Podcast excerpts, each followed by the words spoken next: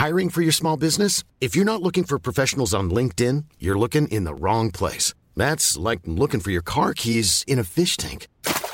LinkedIn helps you hire professionals you can't find anywhere else, even those who aren't actively searching for a new job but might be open to the perfect role. In a given month, over 70% of LinkedIn users don't even visit other leading job sites. So start looking in the right place. With LinkedIn, you can hire professionals like a professional. Post your free job on linkedin.com slash people today.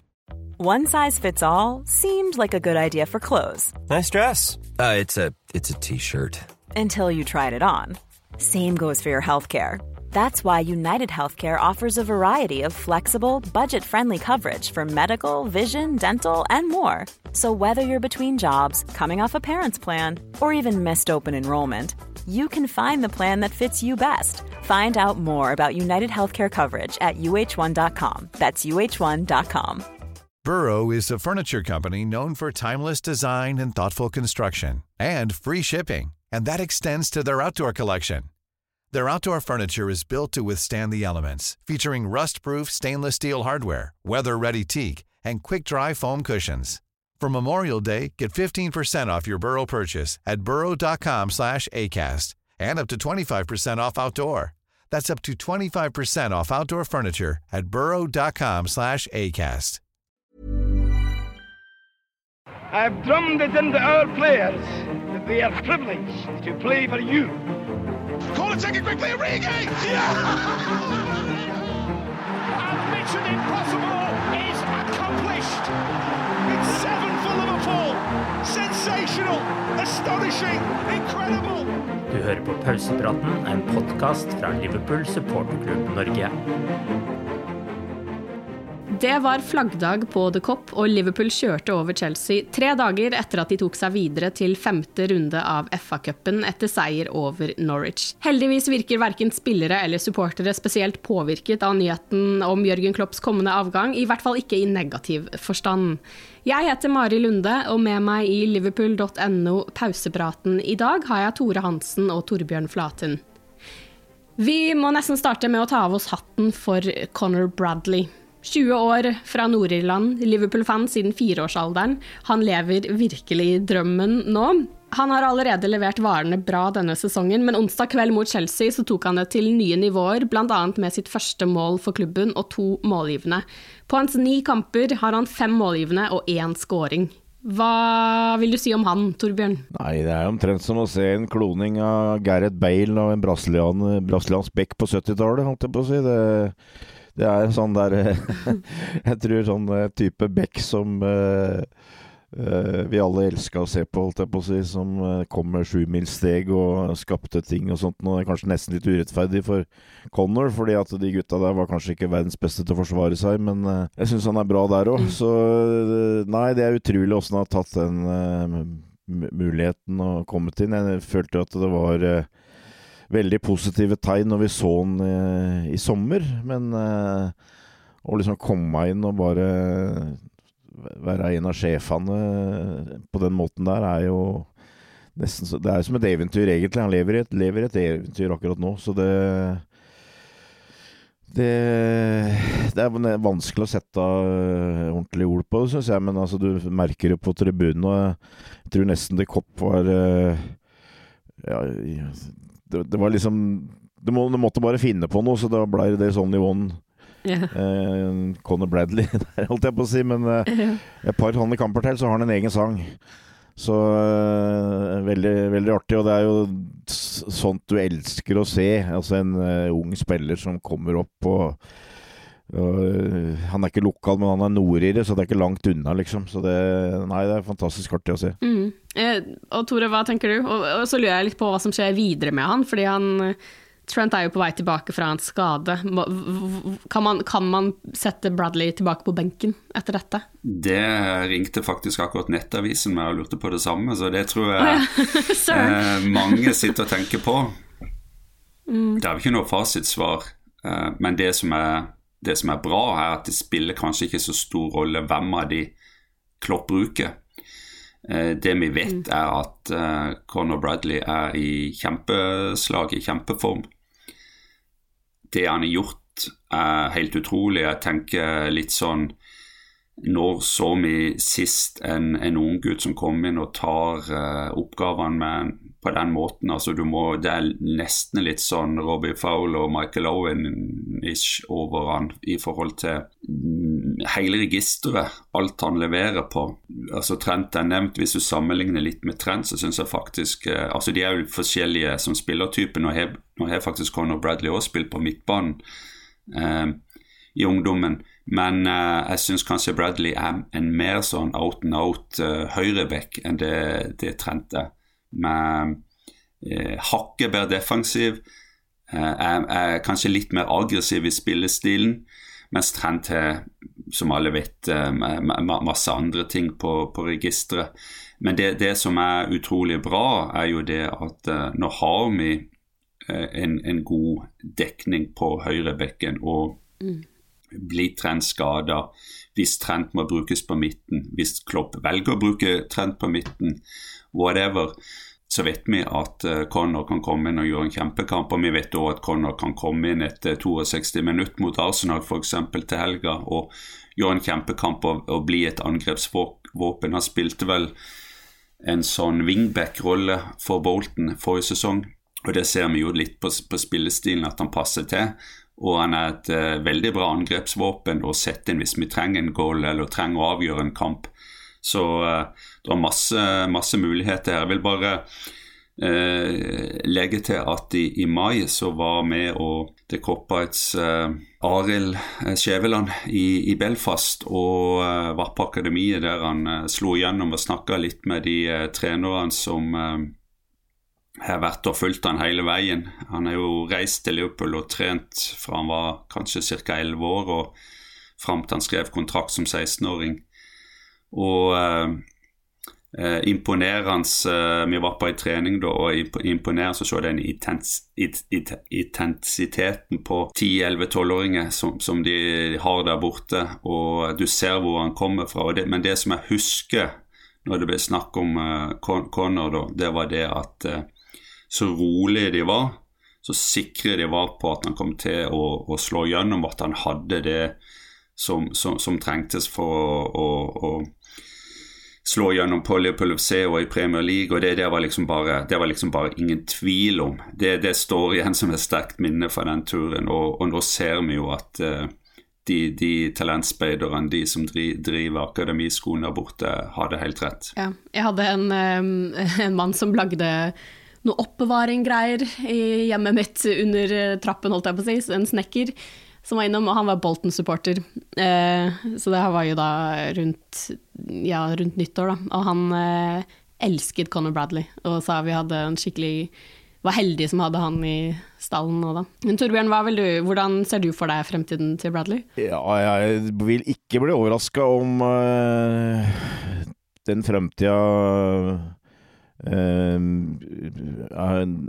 innbefatter at uh, Trent Alexander Arnold blir midtbanespiller. Mm. Uh, det kan jeg fort se, at det er han som kommer til å bli høyrebekken her. Og, og Trent får ei mer sentral rolle, som jeg syns han passer veldig bra til.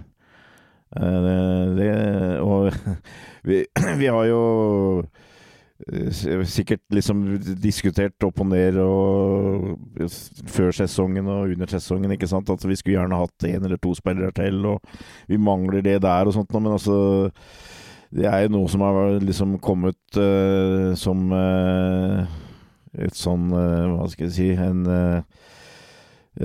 fantastisk sånn åpenbaring. At vi har fått fram spillere som Jarrell Kansa og nå eh, Conor Bradley. Så eh, Men eh, ja, det, det, er vanskelig å holde beina på jorda. Det burde han kanskje gjøre etter, etter, et par kamper, men altså, det ser jo fantastisk eh, spennende ut. og eh, det er vel litt Jeg tror de fleste tenker litt tanken på at det her, eh, her kan vi ha spart mange penger. Mm. og du spurte om at uh, kan han settes ut nå? Altså, det kan han jo. Altså, vi snakker om trent Alexander Arno her. Altså, det, jeg føler, tror sikkert Klopp føler at ja, jeg kan absolutt sette av en trent eh, til kamp borte mot Arsenal, men jeg er ikke så sikker på om han gjør det.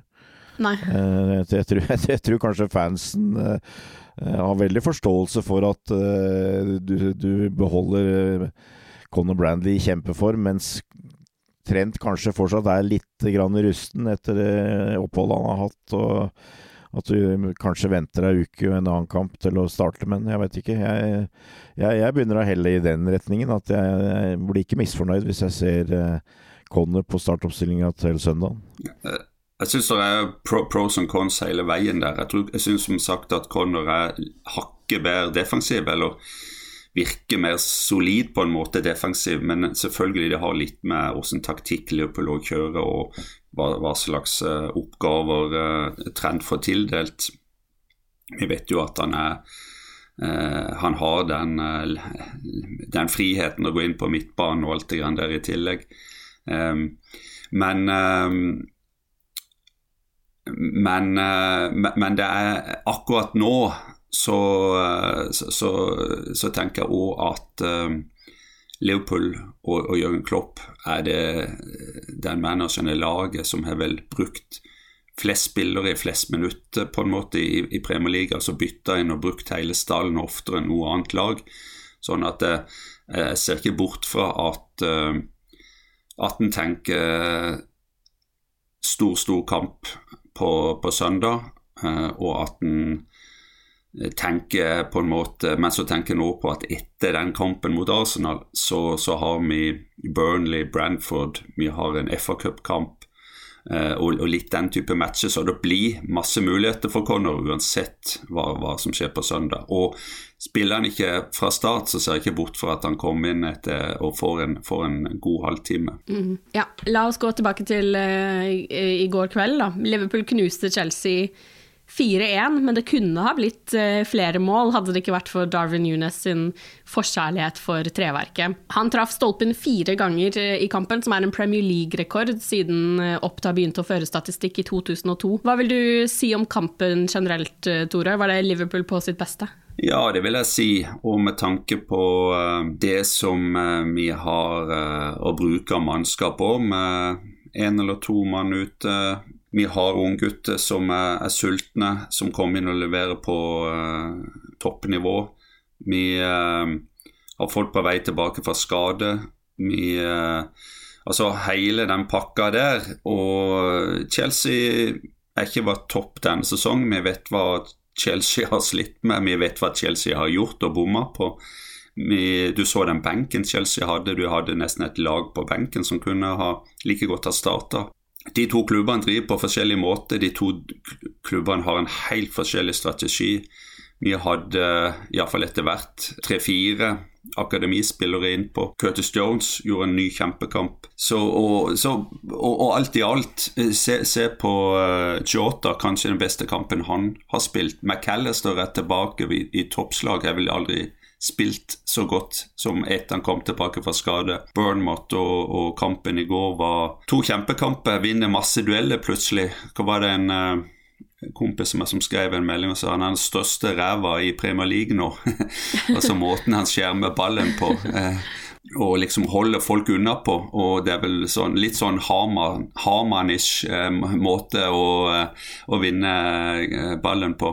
Så eh, st ny statement-kamp eh, av, Liverpool i forhold til tittelracet og, og alt det grann der, så eh, det blir spennende å se hvor lenge de klarer å holde det eh, nivået oppe. Og du føler jo nå at hver kamp er en slags eh, finale i forhold til et eventuelt ligagull. Ja. Hva tenker du Torbjørn, er du fornøyd etter gårsdagen? Ja, altså dette er jo et Liverpool som uh, Det var jo noe av det Klopp sa når han kom, at han ønska at Liverpool skulle bli et lag som andre lag syntes det var et mareritt å spille mot.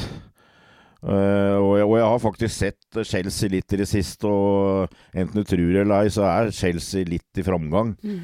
Uh, men de, de, de, dette her uh, greide de rett og slett bare ikke å håndtere. Og det er jo sånn som Liverpool har vært på sitt beste. altså Når du får til det gjenvinningspresset og den intensiteten, så er det knapt noen som er i stand til å å være med på det. Det som jo har vært litt uh, kanskje forskjell, eller som har vært litt mer sånn gjennomgangsmelodien i år, er jo at de ofte har eh, starta nokså dårlig og hatt en sånn middels førsteomgang. Og så har det uh, ofte, med å ligge et mål under, så har vi snudd i annen omgang. og og da virkelig blitt de mentale monstra igjen, men nå er det fra starten av. Du, du gjør deg mange tanker når uh, en sånn manager sier at han skal trekke seg og sånt noe. Ofte har vel på en måte resultatet vært sånn at det har vært en negativ greie, men altså jeg ser jo for meg at dette her kommer til å bli en sånn positiv greie. At nå skal vi gjøre det for Jørgen, alle, alle sammen. Og, og, at det nå blir bare en sånn driv innover. Det, det håper jeg i hvert fall veldig. Og har egentlig veldig tro på det også. At eh, her er alle påskudd hele tida. Kanskje, kanskje var det det lille ekstra som gjorde at vi kom opp på den øverste hylla. Jeg, jeg merker litt meg sjøl. Altså, jeg har jo for så vidt under sesongen her forandra litt på de hva skal jeg si, målsetninger som jeg har. Altså, jeg trodde jo absolutt ikke på ligagull før sesongen. Jeg tenkte at topp fire, så, så, er det bra. Og vi mangler, mangler, litt for mye her og litt, litt der. Men etter hvert så skjønte jeg jo det at vi skulle kunne være med og kjempe i toppen. Nå er det blitt sånn at nå skal vi vinne ligaen. Altså, dette, dette må vi greie. Dette må vi greie for Jürgen Klopp. Dette, nå, nå, er det liksom gullet som gjelder, og det, det, tror jeg gjelder både blant spillere og fans. Altså, jeg tror de har fått en sånn, enda en sånn ekstradriv. Spillerne har sikkert hatt trua på at dette kan vi greie uansett, men altså nå for, for, meg nå så er det, for, for meg nå så er det, er det gullet som gjelder. Og det ja, jeg, jeg, jeg, tror det har skjedd noe der, altså.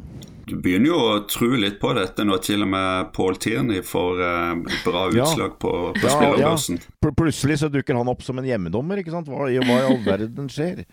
Så ja, det, det, er happy days, altså. Ja, jeg føler jo at, eh, at det begynner å gå i riktig retning på tribunen, i hvert fall. For jeg var jo på den Norwich-kampen på søndag, og da tror jeg folk var litt sånn eh, satt ut av situasjonen, for det var en ganske sånn rar stemning på, både på, utenfor stadion og på tribunen. Jeg skrev en kommentar på liverpool.no, men i hvert fall ved det veggmaleriet til Klopp, som ligger så lite steinkast fra stadion, så det flokket liksom hundrevis av mennesker dit for å ta bilde med det og bla, bla. Og det var så stille. Det var bare Folk liksom sto der i sånn stille respekt. Det var veldig merkelig. Og så inne på stadion var det sånn litt sånn varier, variert stemning. Men i går, på, uh, i går så var det helt annerledes. det var da flaggdag på The Cop, så det var helt elektrisk stemning. Det er akkurat sånn Klopp liker det, for det handlet liksom ikke om han. Men, men at liksom den nyheten om han gjorde nok at det ble litt sånn ekstra pumpa opp, holdt jeg på å si. Men det var, handlet sånn 95% om laget, kanskje 5% om Klopp, da. Eh, så jeg tenker kanskje det er flere slike kvelder som skal til for å kanskje overbevise han om at eh, nei, du kan ikke dra nå. Men um, Arve hadde jo dere to med på en podkast på fredag allerede om dette, da var jo nyheten helt fersk. Nå har det jo gått litt tid, vi har fått tid til å puste litt, fått det litt på avstand. Eh, hvordan føles det nå, Tore, at Klopp skal dra? Det er like vondt. Ja. Og, um, men jeg tror det var et godt poeng du hadde der med at vi, vi, kan ha fokus på det sportslige nå. Og jeg tror det er veldig bra at vi har fått de to kampene og to seire, sånn at du ikke får den derre mm -hmm, Ja, nå ser du hva som skjedde når dere gikk ut med denne nyheten, og, og at uh, det ikke blir masse flere spørsmål rundt hans avskjed, men mer som sagt fokus på det som skjer på banen. Utvikling av laget, nye spillere som står fram nye seire, positivitet og en, topp energi og alt det der, det, det, tror jeg er ekstremt viktig i den, den eh, fasen vi er inne av sesongen nå. Altså Litt tilbake til den sjokknyheten som det var å få for en uke siden nesten. Jeg vet ikke om jeg helt har klart å fordøye det, men eh, Og de kampene her er jo med på å holde det litt sånn på avstand. Du, du klarer liksom ikke helt å ta det og skjønne det som skjedde. Men jeg har tenkt, gjort noen tanker, da.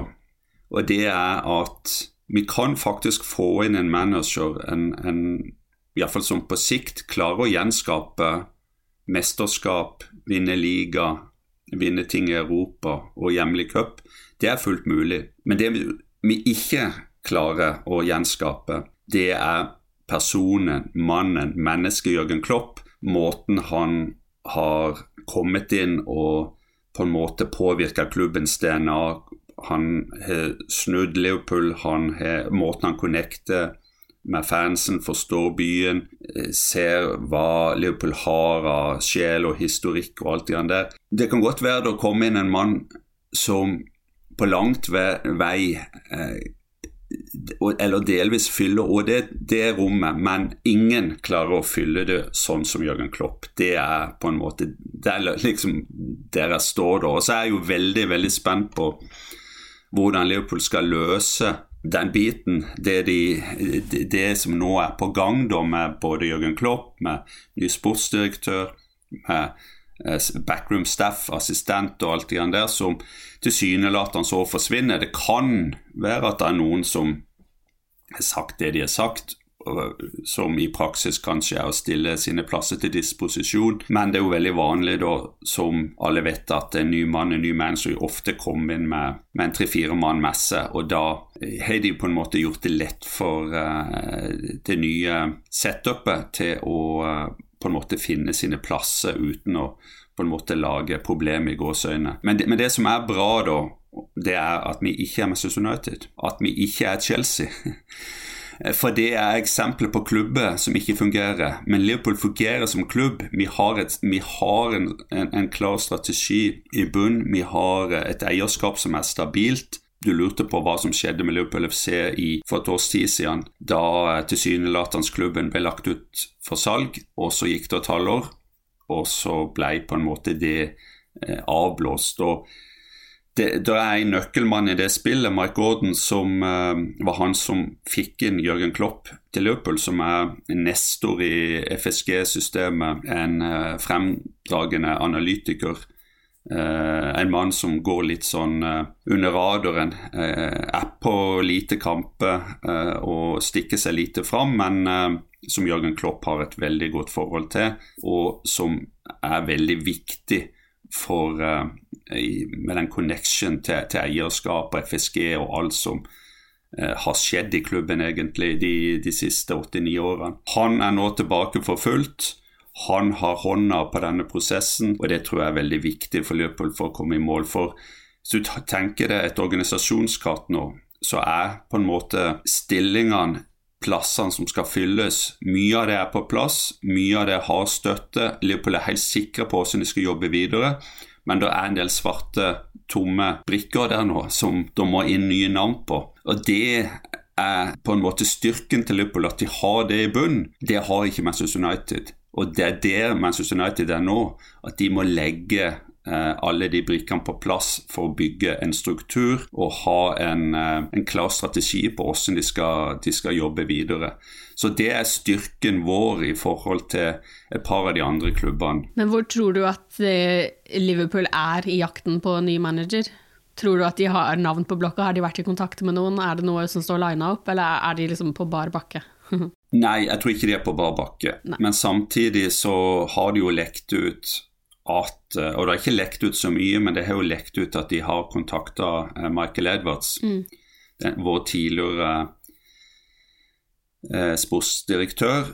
Ikke for å få han inn tilbake som sportsdirektør, men for å få han til å lede denne prosessen da, med å finne disse brikkene, disse navnene som skal inn på organisasjonskartet vårt. Og det har han holdt på å si dessverre sagt nei til, for jeg tror han hadde vært en bra mann til å kunne ta den jobben. Så da, skjer noe der, og det er jo over snakk om at de skal ha på plass sportsdirektør før de går ut med hvem som blir manager. Hva med deg, Torbjørn? Hva tenker du om uh situasjonen nå? Ja, jeg syns det er vanskelig å finne rette ordet, rette ordet egentlig. Altså, jeg, oppfatter jo for min egen del at uh, nå har jeg håper å si, uh, sett så mange store både managere og spillere forsvinne, så det, det preller litt av eh, på én måte. Eh, jeg har vel aldri vært så bekymra som en 16-åring fikk høre at Bill Shankly skulle slutte i klubben, for vi trodde vel aldri at vi skulle finne en ny Shankly, på en måte. Og det kan du jo på en måte si at vi ikke gjorde, men har, klubben har levd veldig bra videre for det. Um, så ja, det er klart. Det, det, ligger noe der som gjør at jeg Ja, jeg, jeg er jo på en måte litt bekymra på åssen dette skulle gå. For det er fullt mulig å feile her, sjøl en klubb som Liverpool. Altså, det har vi sett uh, veldig eksempler på. Når det forsvinner et sånt ikon som Jürgen Klopp, uh, så er det vanskelig å erstatte. Og i mitt hue så er fortsatt manageren den viktigste personen i en fotballklubb. Uh, sånn som det er lagt opp i England, f.eks. Så jeg har jo innerst inne også litt tru på at det skal gå an å finne en en bra løsning her. Og det er klart, eh, det, dette er jo et, et litt spesielt uh, greie, da, med at uh, klubben og laget er i en sånn posisjon som vi er nå. fordi at uh, vanligvis når du bytter manager, så er det fordi at noe er gærent. og det er absolutt ikke noe. og det er jo på en måte grunnen til at jeg må jo innrømme at jeg jeg er litt overraska over timinga på dette. her. Jeg har full forståelse og skjønner det at uh, det er et enormt press og uh, et enormt uh, Veldig intenst å, være Jürgen Klopp og være en sånn manager. Og at han føler at han etter slutt går tom, det, det har jeg ikke noe problem å, å se. Men altså, nå var han jo veldig godt i gang med å å få til Jürgen Klopp 2-0 her, så Sånn sett så er jeg litt overraska over timinga, men, eh, men, ok. Da, da, får han eh, etterfølgeren eh, fortsette på det som allerede er en veldig bra jobb. Da. Så eh, veldig spennende. og eh, ja, eh, kanskje har jeg vel ikke har på en måte ikke helt gått opp for meg, men altså jeg, jeg er litt sånn at vi får eh, prøve å se, se framover her. Og nå, det som først og fremst gjelder nå, er å fullføre denne sesongen her på en skikkelig og verdig måte. Det, det, det som jeg tenker litt i forhold til det jeg snakka om, at, at det det heldigvis på en måte ikke har kommet noe sånn der drypp om uenigheter og eierne mener det, Klopp mener det, eh, krangling og, og litt sånn eh, ja, ting som eh, ofte kan skje i en toppklubb, og ofte skjer i Altså, det er sterke personligheter som, er, som er, det handler om, og det, det kan skje i løpet òg. Men det, det, som er bra, er at det som det lille som har dryppa ut i forhold til avgjørelsen, hvorfor det har skjedd, og det som Torbjørn er inne på, hvorfor tok han ikke iallfall ett år til Han har jo sjøl kalt Leopold Liverpool 2-0, og hadde kanskje trodd at får han alt på plass nå, så er det lettere å ta en sesong til. Men uansett, han går av til sommeren, og eh, han bygger hus rett utenfor Frankfurt. Han bygger et hus på Mallorca, eller feriehytte, hvis vi skal kalle det det. Antagelig hus for alle oss andre. Han ble bestefar i sommer. Eh, han og kona Ulla de har jo en sønn hver fra hvert sitt eh, tidligere ekteskap. Eh, og Ulla sin sønn, eh, som Jørgen Klopp også veldig close på, fikk, en, eh, fikk, et barn i sommer. De bor i Tyskland. Du føler altså det, det, jeg prøver å si, er vel at jeg ser et bilde av at han føler at han er Han er nå 56-57 år gammel, har kommet litt over i en ny fase i livet, kan tenkes å gjøre andre ting. 89 år som han har vært i Liverpool, det This is Paige, the co-host of Giggly Squad, and I want to tell you about a company that I've been loving, Olive and June. Olive and June gives you everything that you need for a salon quality manicure in one box. And if you break it down, it really comes out to $2 a manicure, which is absolutely insane. It's also so easy to get salon worthy nails at home with Olive and June. The difference between how your nails used to look when you did them yourself and now with the Manny system is a complete game changer. The best thing about Olive and June too is it's a quick dry, dries in about one minute, lasts for five days, and full coverage in up to one to two coats. Visit oliveandjune.com slash perfectmanny20 for 20% off your first system. That's oliveandjune.com slash perfectmanny20 for 20% off your first system system. If you thought the only way to get a more defined jawline with natural looking results was through surgery, think again. Juvederm Volux XC is a non surgical injectable gel filler that improves moderate to severe loss of jawline definition and can help you achieve natural looking results with little downtime. Even better, this improved definition lasts up to one year with optimal treatment. No maintenance required. Improve jawline definition for a smooth, sculpted look with Juvederm Volux XC. For important safety information and to find a licensed specialist, visit juvederm.com. That's J U V E D E R M.com. Not for people with severe allergic reactions, allergies to lidocaine, or the proteins used in Juvederm. Common side effects include injection site redness, swelling, pain, tenderness, firmness, lumps, bumps, bruising, discoloration, or itching. There's a risk of unintentional injection into a blood vessel, which can cause vision abnormalities, blindness, stroke, temporary scabs, or scarring. Talk to a licensed specialist to find out if it's right for you. Hiring for your small business? If you're not looking for professionals on LinkedIn, you're looking in the wrong place. That's like looking for your car keys in a fish tank.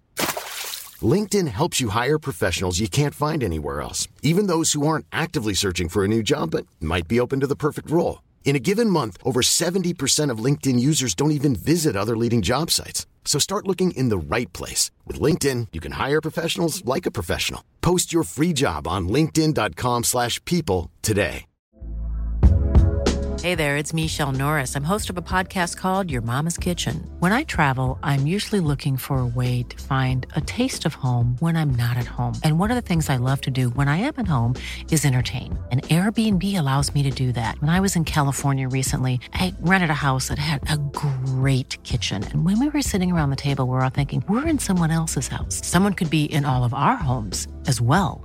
If you have a home, but you're not always at home, you have an Airbnb. Your home might be worth more than you think. Find out how much at airbnb.com/slash host. Wow. Nice. Yeah.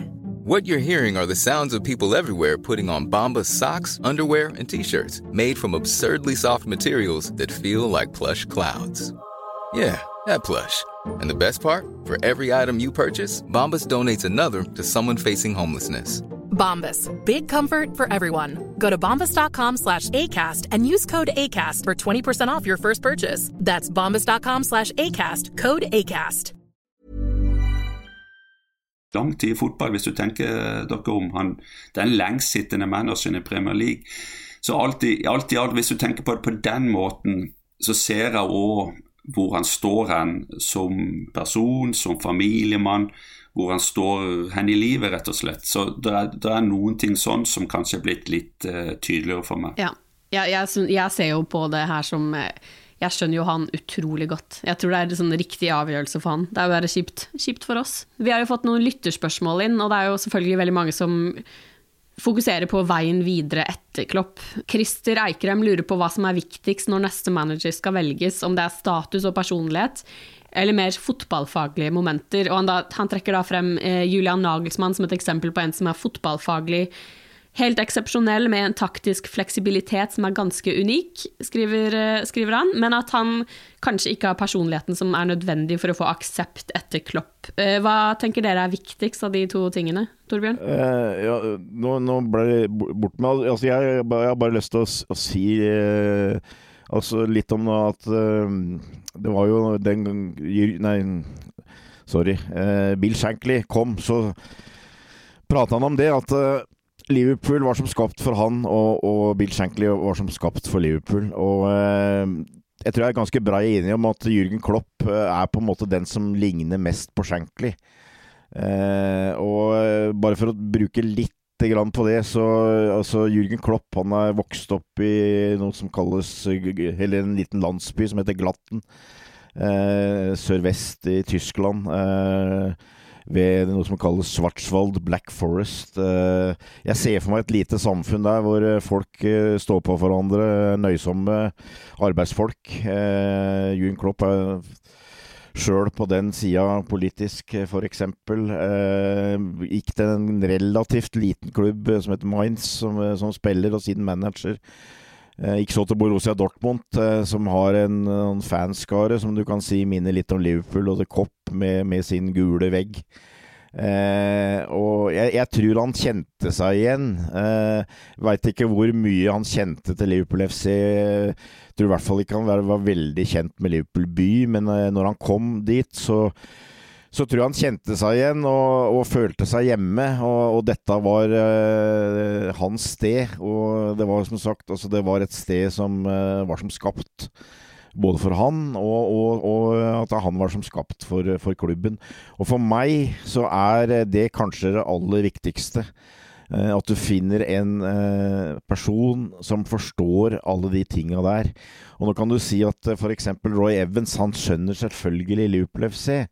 Men der tror jeg kanskje var litt med at han hadde ikke pondus nok. Var litt for mye assent, hadde klappa litt for mange på ryggen osv. Så, videre. så det er, det, er, det er mange ruter som skal hukes av her. Og, men for meg så er det ekstremt viktig eh, enn et stort navn eller et sånn, hva skal jeg si, eh, geni taktisk eller teoretisk eh, eller et eller annet. Jeg er jo enig med tilsynelatende ganske mange her at uh, i mitt hue så akkurat den personen som jeg syns kanskje Eh, magefølelsen, eller magefølelsen sier at det ligner mest, det er Sabi Alonso. Og uh, han huker ikke helt av de samme rutene som Klopp når det gjelder uh, å ha vært i en stor klubb som trener, eller nå, nå lederen riktignok Bundesliga med Bayer Leverkusen.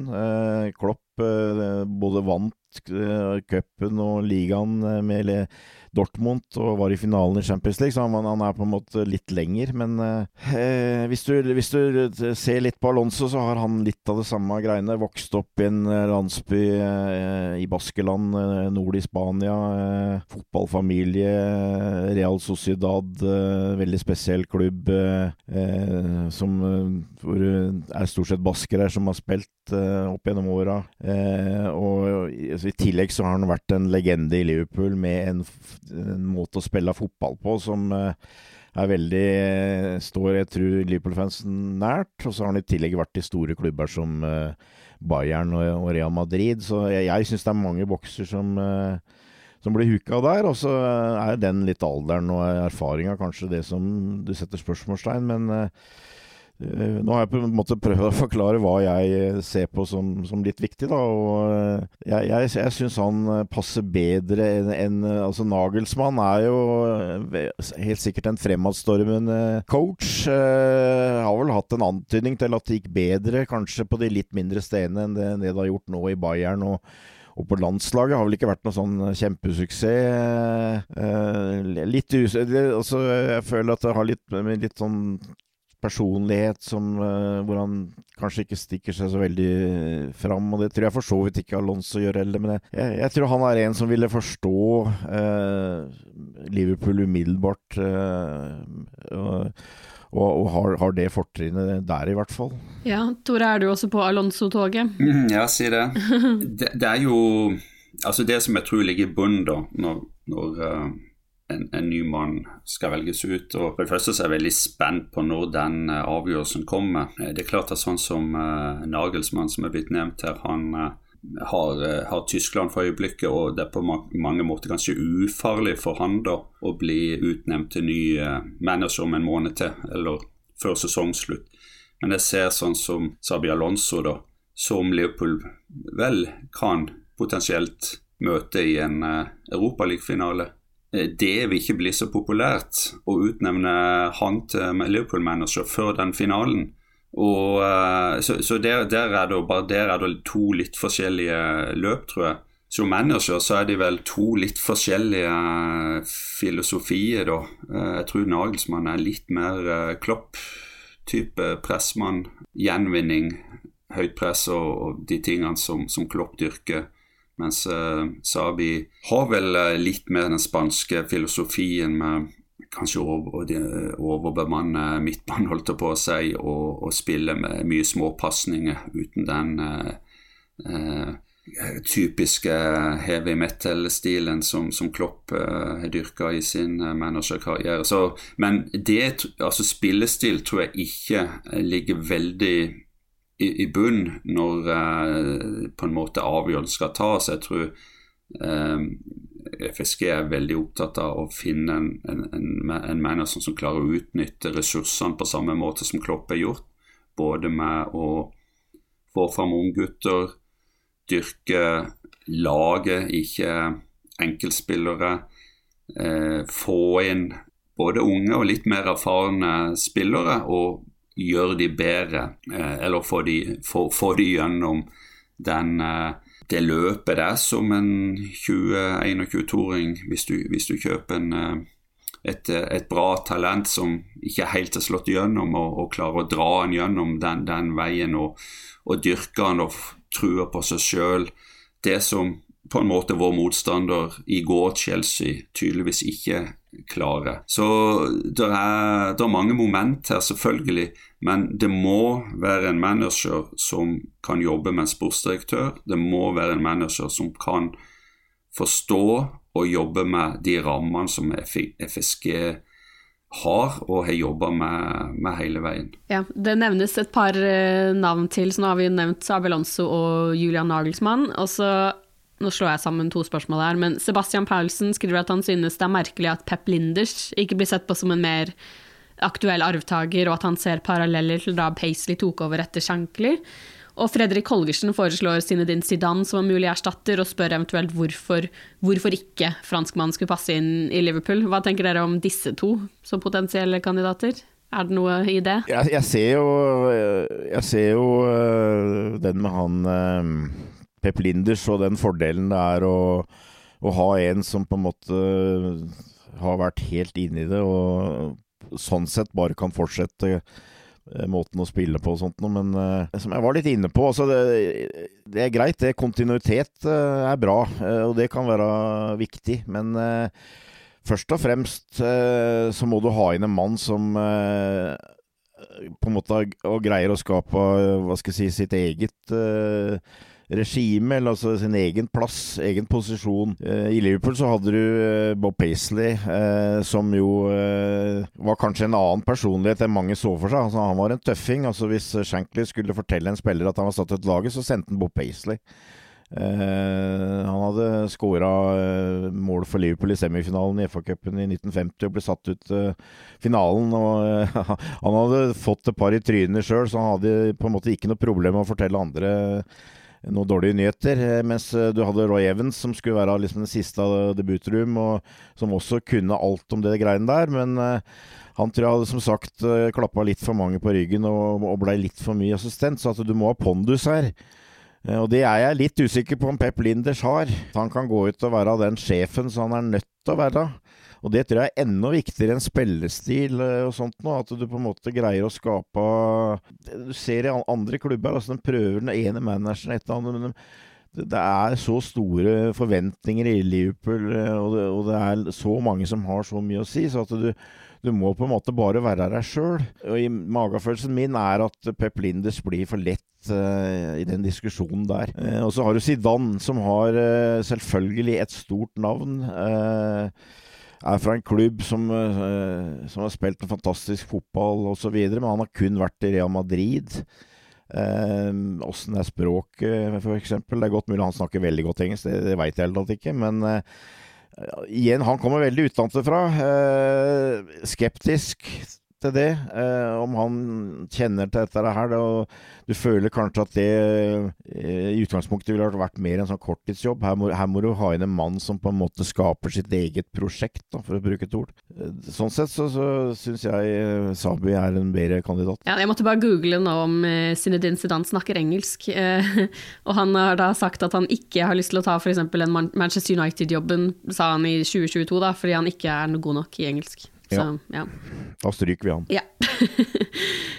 um, jeg bare kjører videre, jeg. Um, underveis i kampen mot Norwich så kom jo da Andy Robertson tilbake, til en sånn enorm eh, mottakelse fra supporterne. Han kommer jo også inn mot Chelsea, så han er jo da altså skadefri etter skaden han pådro seg i starten av oktober. Så har vi fått et lytterspørsmål fra Helge Sigurd Amdal Tellenes, som ønsker litt mer fokus på dette forsvaret og kaller det for den lagdelen som har imponert mest i år. Og Han trekker da frem Joe Gomez og synes at han og Andy Robertson er langt jevnere enn mange mener.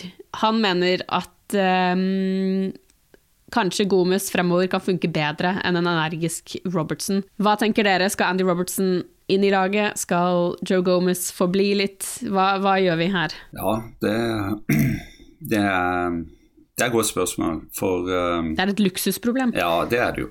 Uh, absolutt. Mm. Og hvis, uh, skal, hvis jeg tipper at trend starter mot uh, Arsenal, så tror jeg på en måte det motsatte skjer på, på, på venstrebekken, at Gomez får fortsette.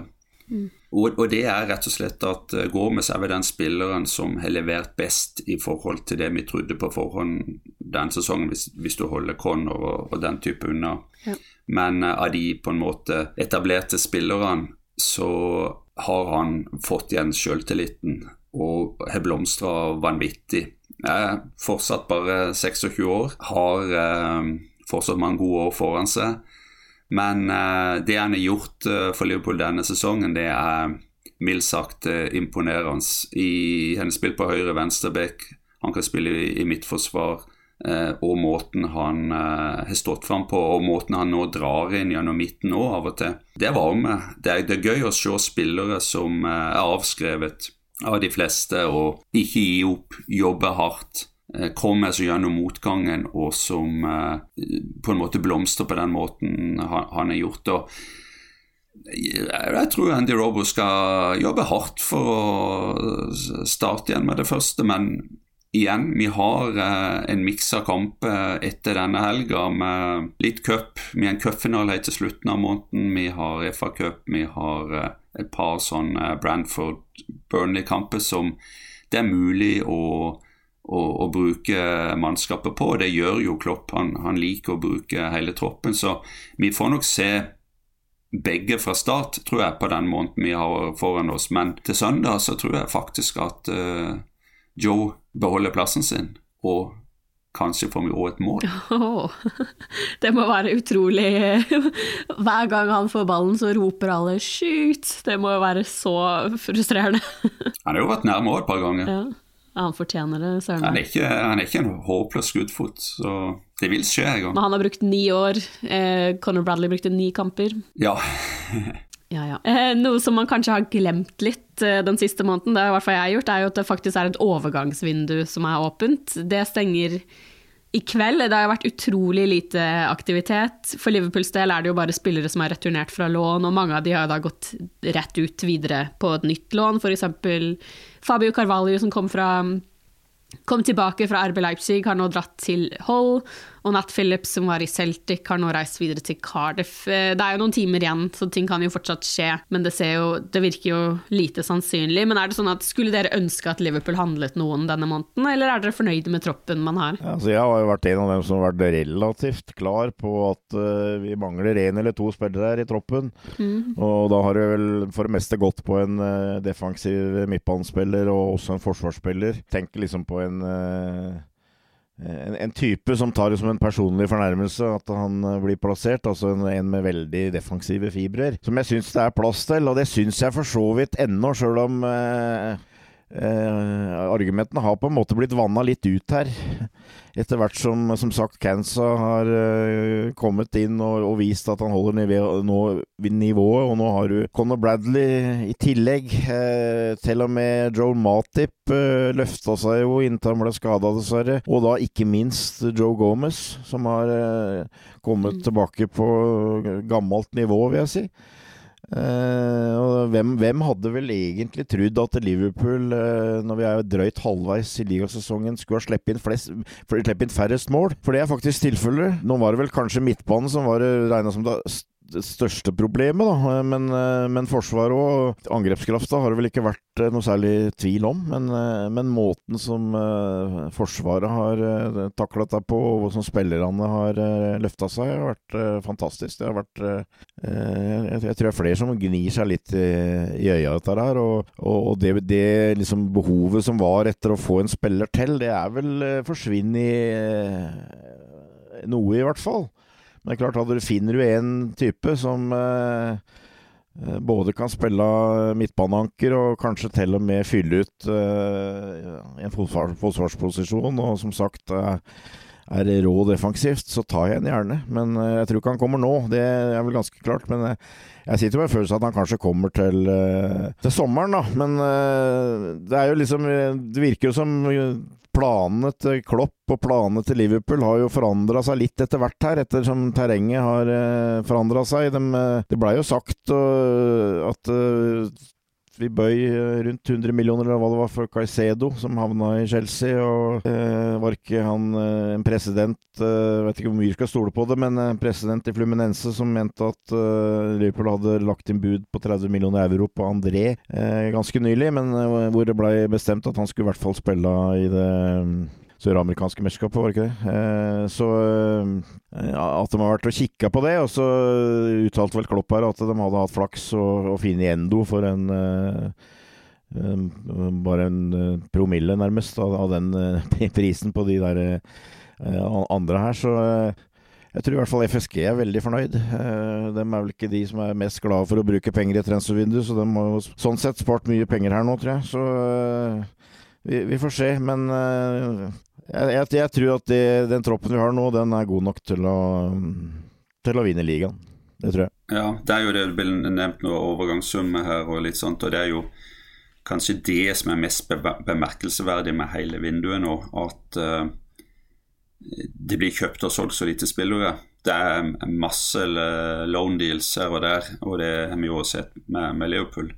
Men uh, de store overgangene det er vel kanskje bare Tottenham som har brukt eh, litt av penger, men normalt sett så ville klubber som hadde slitt på denne tida av året, kanskje Newcastle, United, Chelsea selvfølgelig, og eh, kanskje til og med Arsenal, eh, eh, ville ha brukt noe penger for å prøve å løfte seg, vinne ligaen, få en siste push på sesongen, men det har uteblitt. For første gang, holdt jeg på å si, så syns finansen av Fair Play fungerer og, og, og gjør at klubbene ja, rett og slett er redd for å overbruke penger. Og at uh, de uh, må tenke seg om, og de må vurdere om de skal bruke nå eller til sommeren. De, må, uh, de er redd for å få en sportslig straff, sånn som Everton fikk. Og jeg tror det er det som er nøkkelen her. At det blir gitt en sportslig straff. du kan ikke kjøpe deg ut av brudd på, de, på det regelverket. Mm. Ja, fordi januar i fjor var jo da rekord eh, for eh, hvor mye penger som ble brukt på eh, i, i, et januar-overgangsvindu. Det var sånn 800 millioner pund, tror jeg det var. Eh, mens i år er det jo nesten Altså det er jo ingenting i forhold til det. Så den straffen har nok funka som er kule. Til slutt, Arsenal venter på Emirates på søndag. Jeg syns det er litt skummelt. Hva tenker dere? Ja, jeg må jo litt motvillig nesten innrømme at uh, jeg syns Arsenal har blitt eh, gode. Uh, er, vi pratet akkurat om transfervindu. Altså, det, er egentlig et godt eksempel, da, fordi at de jeg, jeg, tror nok, eh, hvis, hvis, jeg hadde vært Arsenal-supporter, så ville jeg følt at det mangler en uh, spydspiss, en målskårer. Ja. Uh, og Det var vel snakk om at bl.a. Tony fra Brentford uh, var en de hadde lyst på, men han kosta 100 millioner. og det, Om de hadde ikke råd eller ikke turt å bruke, det, det vet jeg ikke, men han kommer nok ikke. Så men, men, men, det har blitt et lag som uh, du, du, sitter med en kjenning av at uh, hver eneste gang de angriper, så er det farlig. Uh, de har mye å spille med framover, syns jeg. Og, og, og, det har blitt Jeg er ikke noe begeistra for personen Arteta men, som manager, men han har fått inn en litt annen, hva skal jeg si, vinnervilje Eh, det er litt mer stål i, laget. Altså, Arsenal var kjent for at de eh, svikta som regel når det virkelig kom til stykket. Og at det var liksom en sånn soft underbelly. At uh, de hadde ei sentrallinje som, som, ikke var like tøff som andre. Nå har de fått Declan Rice. Nå er det mer punch der. Saliba i, i forsvaret osv. Så, så dem er en tittelkandidat. Uh, og det ble en viktig måned for Liverpool nå. Det var Arsenal nå, og så har de City om en måned ca. Det kan bli veldig avgjørende kamper. Så ja, jeg, men eh, er, er, vi mer bekymra for Arsenal enn Arsenal er for oss? Jeg er ikke så sikker på det. Liverpool er i god form. Uh, har etter hvert fått ganske mange av de skada spillerne på plass igjen. Så jeg føler at vi har en veldig bra sjanse, men altså Arsenal er et godt lag. Så det, det er en en kamp som uh, er helt åpen for meg. Ja. eh, jeg er skremt, der òg. Det, det, det, er den kampen som eh, bekymrer meg mest. nå har vi spilt mot Arsenal ganske nylig, et par ganger både i cup og liga, hvis du tar med kampen i desember. og To litt forskjellige kamper. Um, og jeg føler vel meg kanskje sikrere enn før de to andre kampene at vi kommer til å iallfall levere en, en, en, bra match. Så kan en aldri være sikker på hvilken vei målene går. Men eh, et, et, godt tidspunkt å møte dem på. Og vi har hatt et godt tak på Arsenal de, de siste årene. Så, så det, gjør meg, det, gjør meg, positiv. Ja, det, det, det, som skremmer meg litt, er at vi slo dem i cupen. Og jeg, jeg har ingen, ingen, vitenskap bak dette, men jeg føler ofte at eh, Eller forskning heter det kanskje, men jeg føler ofte at hvis man vinner i cupen, så taper man i ligaen, hvis du skjønner? Så, så, så, det sitter jeg og føler litt på. Men eh, hvem håper dere å se da mot Arsenal? Nå har vi jo snakket litt om Bradley versus Trent og Gomez og Robo. Skal vi oppsummere litt hvem vi håper å starter i Forsvaret på, på søndag, Torbjørn? Ja, jeg, jeg er jo uh, enig med det Tor antyda. Altså, jeg tror altså Andy Robbow eh, uh, vil jeg gjerne ha i krigen, Andy Robertsen, mm. men han har vært lenge ute. Mm.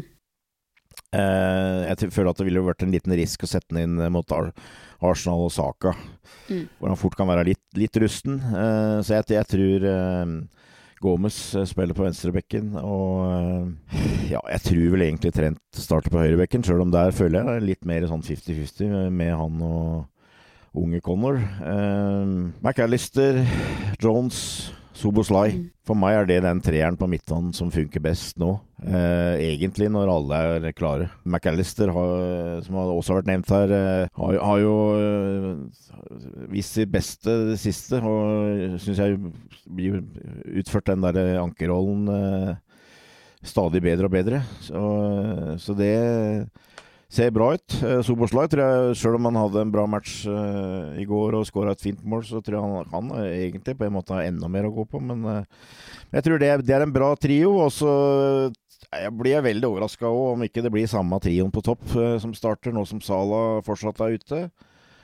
Yota er i kjempeform, og Diaz har, har litt ekstreme med at han kan gå forbi folk. Eh, I tillegg og er også i bra form. Og så har du Darwin, da, som er min han, er, han, er, han, blir min, han, blir min, favoritt uansett om han setter fem eller seks i stanga eller hva det er. Altså, det, han er Darwin.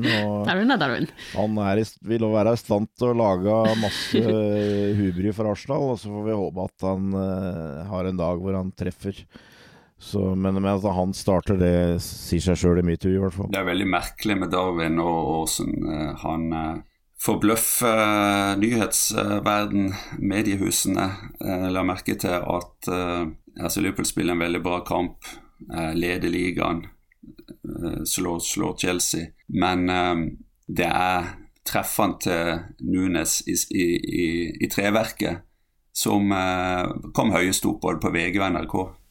ja. Er du, er du, enig i laget Torbjørn har tatt ut? Ja, mye av dette sier seg sjøl. Både midtbanen og de framme der er helt enige. Så jeg er veldig spent på som sagt, hvem, hvem som får spille på kantene. Så eh, jeg er ikke sikker på om Trent starter. Jeg ser, Nei, jeg ser absolutt, absolutt uh, ting som peker i Connors sin favør. Uh, men jeg tror kanskje at hvis han skal bytte en av bekkene så, så, tror jeg kanskje det skjer på høyrebekken. Ja, det blir veldig spennende å se, i hvert fall. Da vil jeg bare takke for følget. Takk for at dere ble med, Torbjørn og Tore, og takk for at du har lyttet. Dersom du har noen spørsmål som vi kan ta opp i podkasten, så kan du sende mail til pausepraten at liverpool.no. Så krysser vi fingrene for at Klopps triste avskjedsturné fortsetter i det positive sporet på Emirates på søndag, og at Nunes får stang inn. Ha det bra. Ha det. Ha det bra. Up to reds.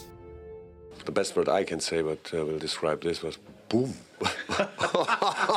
Ooh, what was this? It was really good. Hey, it's Danny Pellegrino from Everything Iconic.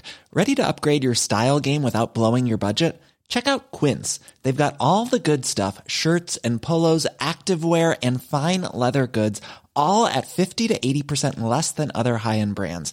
And the best part? They're all about safe, ethical, and responsible manufacturing. Get that luxury vibe without the luxury price tag. Hit up quince.com slash upgrade for free shipping and 365 day returns on your next order. That's quince.com slash upgrade. Support comes from ServiceNow, the AI platform for business transformation. You've heard the hype around AI. The truth is, AI is only as powerful as the platform it's built into. ServiceNow is the platform that puts AI to work for people across your business, removing friction and frustration for your employees, supercharging productivity for your developers, providing intelligent tools for your service agents to make customers happier. All built into a single platform you can use right now. That's why the world works with ServiceNow. Visit servicenow.com/slash AI for people to learn more.